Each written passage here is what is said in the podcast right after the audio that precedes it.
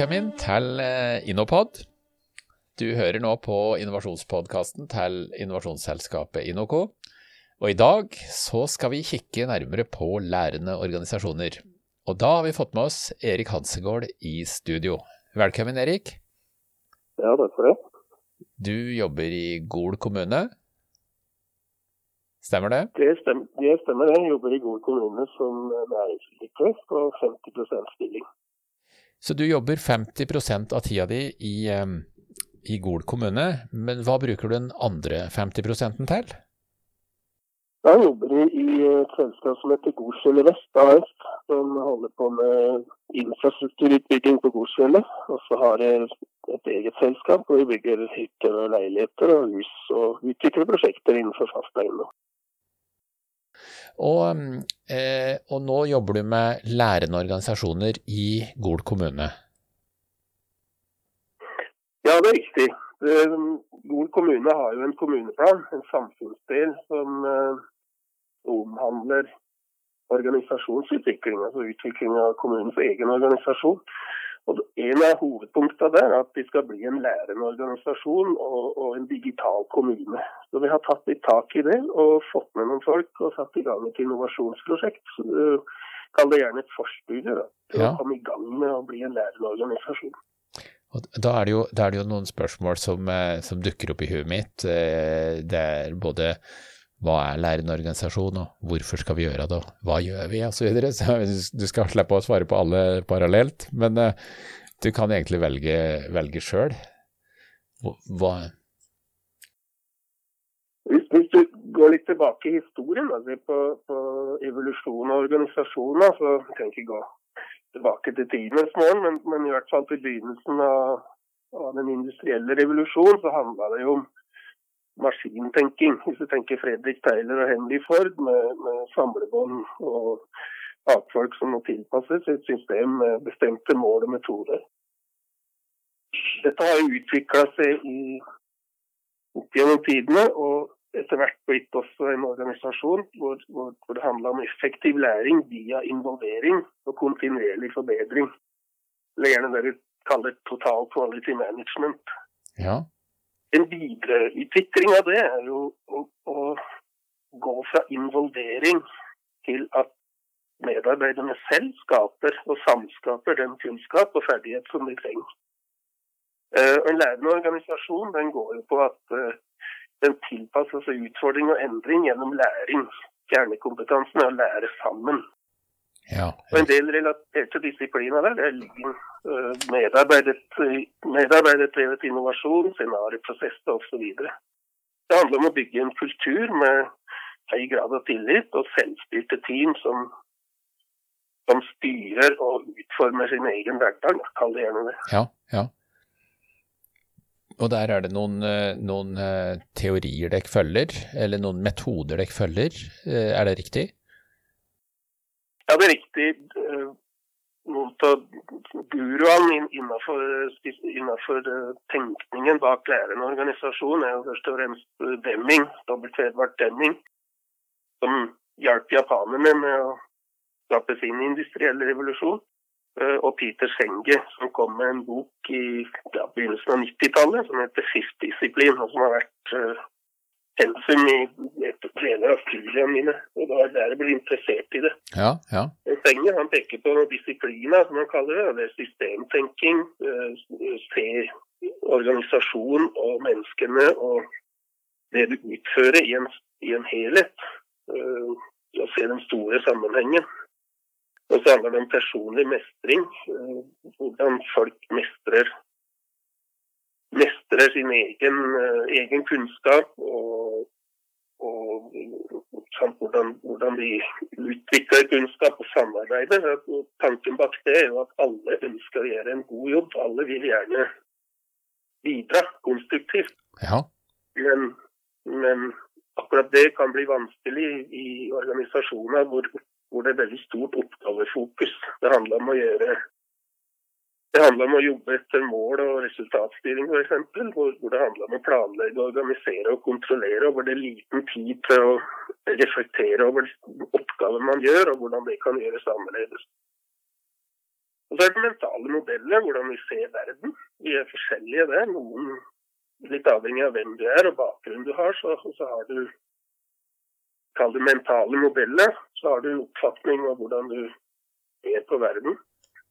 Det er litt, der, kunne jeg hatt lyst til å, bare skyte inn en sak, for det er eh, bare et eksempel. Nå har vi drevet og kursa folk i årevis, i 18 år, med innovasjonskurs. Og det, det, er ganske interessant å se at når vi blander kommune og privat, så får vi protester fra begge sider. Privat sier nei, jeg kan ikke gå på kurs sammen med kommuner, de er helt annerledes og de tenker annerledes. Og kommunefolk sier det samme, nei, vi vil være sammen med kommuner, vi kan ikke være sammen med privat næringsliv. De har helt andre rammebetingelser. Og vi ser på, på slutten av sånne program hvor vi blander privat og offentlig, så er det en kjempefornøyd gjeng som sier at fy søren så mye vi lærte av de andre, dette var virkelig nyttig. Og det er de samme folka som har klagd i starten og sagt jeg er helt på vippen til kanskje å ikke bli med, fordi jeg ser at halvparten av de som er med her er fra kommune, sier kanskje en private. Så, så det at man er opphengt i et sånn derre mønster at uh, man tenker egentlig ikke sjøl, man henter bare en sånn ferdigtygd tanke og, og, og, og spytter ut den. Er, er det mental, har det noe med mentale modeller å gjøre? Sånn, altså... ja, det, ja, det er spot on. Fordi, og det er litt tegn i tiden nå. Sånn som, sånn som verden er i ferd med å bli, så er det noen som sitter med definisjonsmakt. Øh, og det, det, når du ser på sosiale medier, du ser på grupper, du ser på gruppepress, så er det det er vanskelig å avvike fra kall det, kall det politisk korrekt. Ja. Og du blir veldig prega av det. Jeg tror du blir veldig prega av omgangskretsen din. og dermed har du en, har du en snever omgangskrets, da kaller du det, så, så, får du, så mangler du det her eh, litt videre perspektivet. Og, kanskje du er redd for å gi uttrykk for det du egentlig mener. Dette, det... det å blande forskjellige folk, ja. blande folk med forskjellige meninger, det er veldig nyttig. Og det er jo det du er inne på der. Dette her ligner jo på det eh, psykologieksperimentet som ble gjort på 50-60-tallet eller noe sånt, hvor, hvor eh, det er streker med ulik lengde. Og så sitter det andre der og påstår at de er like lange, og så sitter det én som ikke vet at de andre er skuespillere i rommet. Og alle sier at de er like lange, men du ser at det er forskjell på lengden.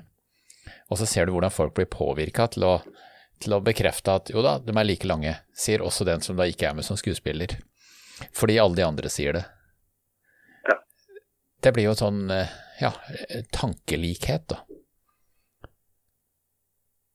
Og, og også et sånn annet eksperiment, det går egentlig på at en del kan bli enda sterkere i sin overbevisning hvis de er i en argumentasjon og møter fakta, og de må argumenteres gjennom det, så kan de gå videre inn i den borgen de satt i, og låse seg enda hardere inn i det. Det ser vi blant politikere. Ja, da er du inne i gruppetenkningsfilosofiene. Ja. Det er, skumle, det er virkelig skumle saker å se hvordan vi, hvordan vi mennesker er. Ja, og der, der kommer dette med, med, de mentale modellene fram, og også det å få til en konstruktiv dialog. Eh, hvordan, hvordan klarer du å heve det over det med, med hva andre mener? Altså, heve det over forutinntatthet, generalisering, stereotypi osv. Uh, det, det handler litt om å tørre å eksponere hva du egentlig mener, og la andre få lov å konstruktivt både kritisere og anmerke ja. det du står Så tenker tenke på én ting, Erik. Da, da, blir du jo bare slått ned av kommunestyret. Det... ja, både ja og nei. Altså, det er kommunestyret som har vedtatt denne planen. Å lage en lærende organisasjon. Og, og, så må vi da utfordre de på veit jeg egentlig hvor de har vedtatt. Ja, ja, ja, det tror jeg kanskje at, jeg tror nok har et, mange har et åpent syn. De fleste har nok et åpent syn. og Det blir spennende å presentere resultatet av det som innovasjonsgruppa nå jobber med. Ja, ja, ja. Eh, det er bra. Det er bra. Eh, du, du, har vært gjennom, du har nevnt nå altså systemtenkning, personlig mestring og mentale modeller. Men, eh, men Senga har mer han i modellen sin, fortalte du meg? Han har også visjoner. Visjon er jo også veldig viktig. og Det å kunne utvikle en en kollektiv visjon basert på en eller annen form for konsensus. Eh, alle som jobber, enten du jobber som som kompetanse eller du jobber med rutiner, så, så har du gjerne du har en slags personlig visjon. Hva er det egentlig jeg har lyst til å oppnå? Hva er, hva er en god dag? Hva er en god arbeidssituasjon for meg? Uh, når folk snakker om visjoner, så har det veldig lett for å bli veldig luftig. Og spesielt ledere og, og folk. Det, det blir uh, ja, man skal si, det blir veldig, høy, veldig lett høy bullshit-faktor. En visjon skal jo være konkret, den skal være lett å forstå. Uh, og det skal være lett å skjønne hvor du skal hen. Altså, få alle til å se i samme retning. Så, så Det er lett å blande visjon, misjon og, og purpose, som vi kaller det, eller ja, ja. formål. Eh, visjonen skal være konkret. Eh, og, og klarer du å få til en kollektiv versjon som du får alle til å gi sin tilslutning til, så, så, vil alle trekke i samme retning. og Det er også en del av det å, å, å komme videre. En felles ledestjerne, altså? En slags felles ledestjerne, ja. Ikke noe som er, det er ikke en ledestjerne for en leder eller en ledergruppe, men men det er et team eller en avdeling eller del av en kommune som har blitt enige om at dette er det vi vil, dit skal vi. Om ett år, fem år, eller det er rett og slett dit vi skal jobbe for å nå det målet her, eller denne visjonen. Ja. Så, så, det altså det, det, det siste, altså, som kanskje er det aller viktigste, uh, og, og der må begynne, er jo selvstyrte teams. Uh, som vi snakka litt om at uh, en, en lærende organisasjon handler ikke om å involvere, men det handler mer om at medarbeiderne selv skaper sin egen kunnskap, skaper sine egne ferdigheter og skaper sin egen vei gjennom læring. Og Der ligger det en del kall det DNA i Teams-læring.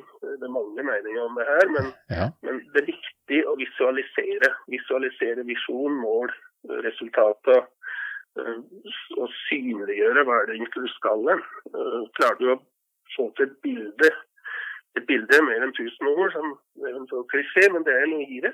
Viktig å visualisere hvor er det vi skal oppnå, hvor skal vi.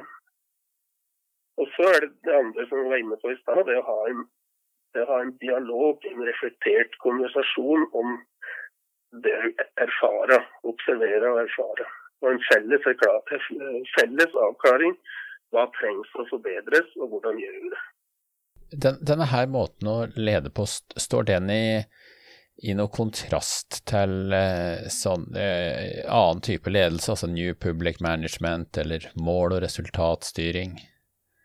Er det, er det noe krasj her mellom før og nå, eller, eller går dette som hånd i hanske? Nei, og dette er jo å komme vekk fra nettopp det du sier nå. New Public Management og mål- og resultatstyring er jo mange statlige bedrifter, mange kommunale foretak blir jo styrt etter det. Og det, det handler egentlig om det klassiske planlegge, organisere og kontrollere. Som vi var inne på i starten, om at oppgavefokuset blir så altoverskyggende at vi verken har tid eller kapasitet til å reflektere over alternative måter å gjøre ting på. Så vi kan, vi kan døpe om New Public Management til Old Public Management etter hvert, da, i og med at det har vært med noen år? Si. Fordi det er et system der, det, der det er mangel på tillit. Så det er ikke uttrykt at det er mangel på tillit, men, men det handler jo om å utføre en oppgave, eh, og så blir du da kontrollert hvor godt du har utført den oppgaven, om den stemmer med det som ledelsen har planlagt. Høres nesten ut som eh, ordinært styrearbeid i, i norske bedrifter som ikke helt har skjønt at styret skal brukes framover, ikke bakover. Ja, det kan du godt si, men, men jo, samtidig så er det jo veldig mange norske bedrifter som, som får til det her med god ledelse, god læring og, og godt organisasjonsarbeid. Men, men, jeg tror offentlig sektor Jeg vil ikke si at det henger etter, og folkene der er fullt på høyde kompetansemessig med privat sektor. Men det er noe med kulturen i offentlig sektor som henger litt igjen med men nettopp det her med planlegge, organisere, kontrollere. Ting skal ut på anbud, ting skal kontrolleres til minste detalj. Og så har du flere og flere kommuner nå som, som i hvert fall småkommuner, eller det gjelder, det gjelder vel offentlig sektor generelt, som får strammere og strammere rammer, økonomiske rammer. Og så får du politikere der på toppen på banen som, som skal kontrollere. Og, og, da henger dette her igjen at det må kontrolleres og styres, i stedet for å la folk bruke kreativiteten sin og, og utnytte kompetansen som finnes i organisasjonen. Det er den du mista med denne her New Public Management og mål- og resultatstyring. Hvis jeg skal prøve å sette det litt sånn inn i sammenhenger, for det blir jo sånn synsing fra sidelinja fra min del, da, men for meg så høres det ut som at det du prater på er en viktig del av Kommune 3.0, og at, at, det kan være mer en sånn boks å gå inn i. og og kommune 3.0 er jo eh, Kommune 1.0 er jo kansellikommunen. Sånn eh, kongen svarer aller nådigst, hvis vi tenker tilbake på kanselliets eh, Danmark, eller Danmark på 1700-tallet. Og så, i 2.0, så begynner innbyggerne å bli eh, en del av noe. De har i hvert fall oppdaga at det er innbyggere i kommunen i 2.0. Og i 3.0 så er innbyggere en ressurs. Og, og, og, og, uten at jeg vet om dette er noe del av kommune 3.0, så, så høres det også ut som at her oppdager man de ansatte, hvor man erkjenner at de ansatte er dyktige og har en egen evne til å gå videre framover. Eh, og man overlater mer ansvar til den ansatte. Er det en riktig tankegang, Erik? Ja, det vil jeg si riktig. Og i, i en kommune 3.0 så vil du også ha et større fokus på brukerne. Eh, hva, hva, slags tjeneste leverer du? Slags, hvordan, hvordan, uh, hvordan bruker dem fornøyd? Uh, og, og, også at de bruker tilbakemeldinger for å utvikle ny kompetanse og gjøre ting annerledes. Det, blir mye av det samme. Kommunene har jo delt opp i tre forskjellige områder. Så kan du grovt si at kommunene både skal være forvalter, tjenesteyter og samfunnsutvikler eller entreprenør. Og alle disse rollene er det jo viktig at du, at du har kunnskap og, eh, kunnskap og kompetanse som flyter mellom alle disse områdene. Jeg, får en annen sånn assosiasjon når jeg hører på det òg, Erik. Og det, vi har uh, mye Altså det er mye prat på AI, eller artificial intelligence, kunstig intelligens i samfunnet, og det kommer mer og mer og mer. Men når jeg sitter og hører på det, så tenker jeg at det her er jo intelligens. Så, så her er det jo eh, ikke kunstig intelligens som man innfører, men det er intelligens. Altså de ansatte er intelligente, oppegående eh, og kan bidra mye mer enn de har gjort tradisjonelt. Hva tenker du om en sånn tanke? Jo, det er hele ideen med en lærende. At det er de ansatte som eller medarbeiderne, førstelinja, som er i kontakt med, med brukerne, som er i kontakt med, med Kall det samfunnet, som, som kommuner. Nå, snakker vi om kommune i dette tilfellet, som kommunene er satt til å, å, å betjene. Det er jo de som kjenner problemet, som kjenner behovet, og, og, som kan, kan, si at det vi gjør her, det er bra eller det er dårlig. Dette kan vi gjøre på en annen måte. I stedet for at det skal sitte en ledelse som sitter kanskje langt unna, bestemme at sånn gjør vi det, og så må de andre nå som skal utføre dette her, må innrette seg etter den planen som vi har lagt. Ja. Det... Så det blir, det blir, å snu ting litt på huet. og, og ja, det er, det er medarbeideren sjøl som bestemmer og utformer sin egen hverdag og sin egen kompetanse. Og de øh, ja, kall det oppgaver da, som skal utføres. Bestemmer hvordan det skal utføres. Jeg har, eh, jeg har, avslutningsvis lyst til bare å dra fram en annen sak, Erik. For det, du nevnte Deming eh, som en av guruene innenfor eh, lærende organisasjoner. Og eh, den innovasjonsmodellen som vi bruker, som vi kaller BLT, altså behov, løsning, test, altså den går rundt i en sirkel, eh, det er samme modellen som Finn har bygd opp sin innovasjonsprosess ut ifra. Og det er samme modell som heter NABC, Need, Approach, Benefit og eh, Competition, som brukes mye i engelskspråklige land. Det er Demings hjul fra 1932. Det er rett og slett læringssirkelen som ble brukt i kontinuerlig forbedringsarbeid. Den bruker vi som et av de mest grunnleggende verktøyene innenfor innovasjon. Ja, er, den har jeg fått med meg. ja. Så det, er, eh, så det er, viktig. Men eh, helt, helt, til slutt, Erik. Eh, det sitter sikkert noen kommunalt ansatte eller ansatte i andre virksomheter som tenker at dette hørtes spennende ut, dette med lærende organisasjoner, og da går det kanskje an å slå på tråden til deg hvis de har tanker og ideer eller lyst til å diskutere noe? Det går an, ja. Og så, så da, da, kan jo det være en oppfordring til, til lytteren. Um, og kjære lytter, du har nå hørt på innovasjonspodkasten til innovasjonsselskapet Inoco. Eh, og vi har vært gjennom lærende organisasjoner, og med oss i studio i dag så har vi hatt Erik Hansegård. Hjertelig takk for at du kunne stille, Erik. Ja, bare hyggelig.